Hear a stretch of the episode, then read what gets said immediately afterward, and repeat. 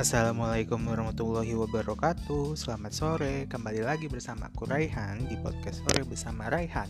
Rangkaian podcast ini merupakan e-jurnal kegiatan harian aku selama Latsar BPPT 2021 Oke, nggak usah lama-lama, kita langsung aja ke pembahasan podcast sore ini Hari ini Selasa tanggal 22 Juni 2021 merupakan lasar hari ketujuh aku di mana dalam rangkaian lasar hari ini diisi oleh dua sesi materi. Yang pertama etika dan integritas ASN oleh Ibu Suratna dan materi nilai-nilai dasar PNS oleh Ibu Eva Siti Kujaeva.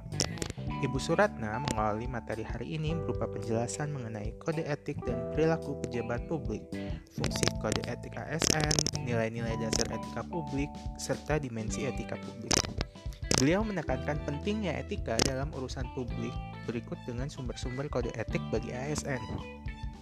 Sesi pertama ini diakhiri dengan tindak lanjut apakah kita sebagai ASN dapat mengaktualisasikan nilai-nilai dari etika dan integritas ASN.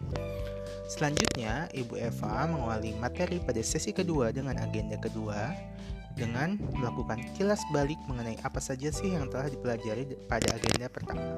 Beliau menekankan bahwa pentingnya untuk kita dapat memahami terlebih dahulu apa yang terdapat di agenda 1 karena itu merupakan bekal landasan kita untuk bisa memahami materi pada agenda-agenda selanjutnya.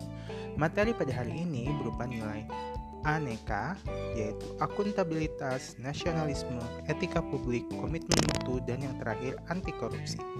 Beliau juga melakukan kelas balik mengenai kurikulum kompetensi dan sasaran dari pelatihan dasar CPNS. Selain itu, Bu Eva juga menjelaskan secara rinci alur pikir proses penyusunan rancangan aktualisasi Lasar CPNS. Beliau menekankan pentingnya memahami setiap agenda dari kegiatan e-learning ini karena keterkaitan tiap-tiap materi pada setiap agenda menentukan lulus atau tidaknya kita saat nanti melakukan aktualisasi. Menutup sesi pertemuan hari ini, beliau menjelaskan mengenai tugas-tugas apa saja sih yang ada di agenda 2 dan menjelaskan mengenai update aplikasi menggunakan Padlet untuk membackup file-file tugas-tugas yang telah diupload di LMS. Demikian podcast sore ini. Terima kasih. Sampai jumpa kembali di podcast sore bersama Raihan episode selanjutnya. Wassalamualaikum warahmatullahi wabarakatuh.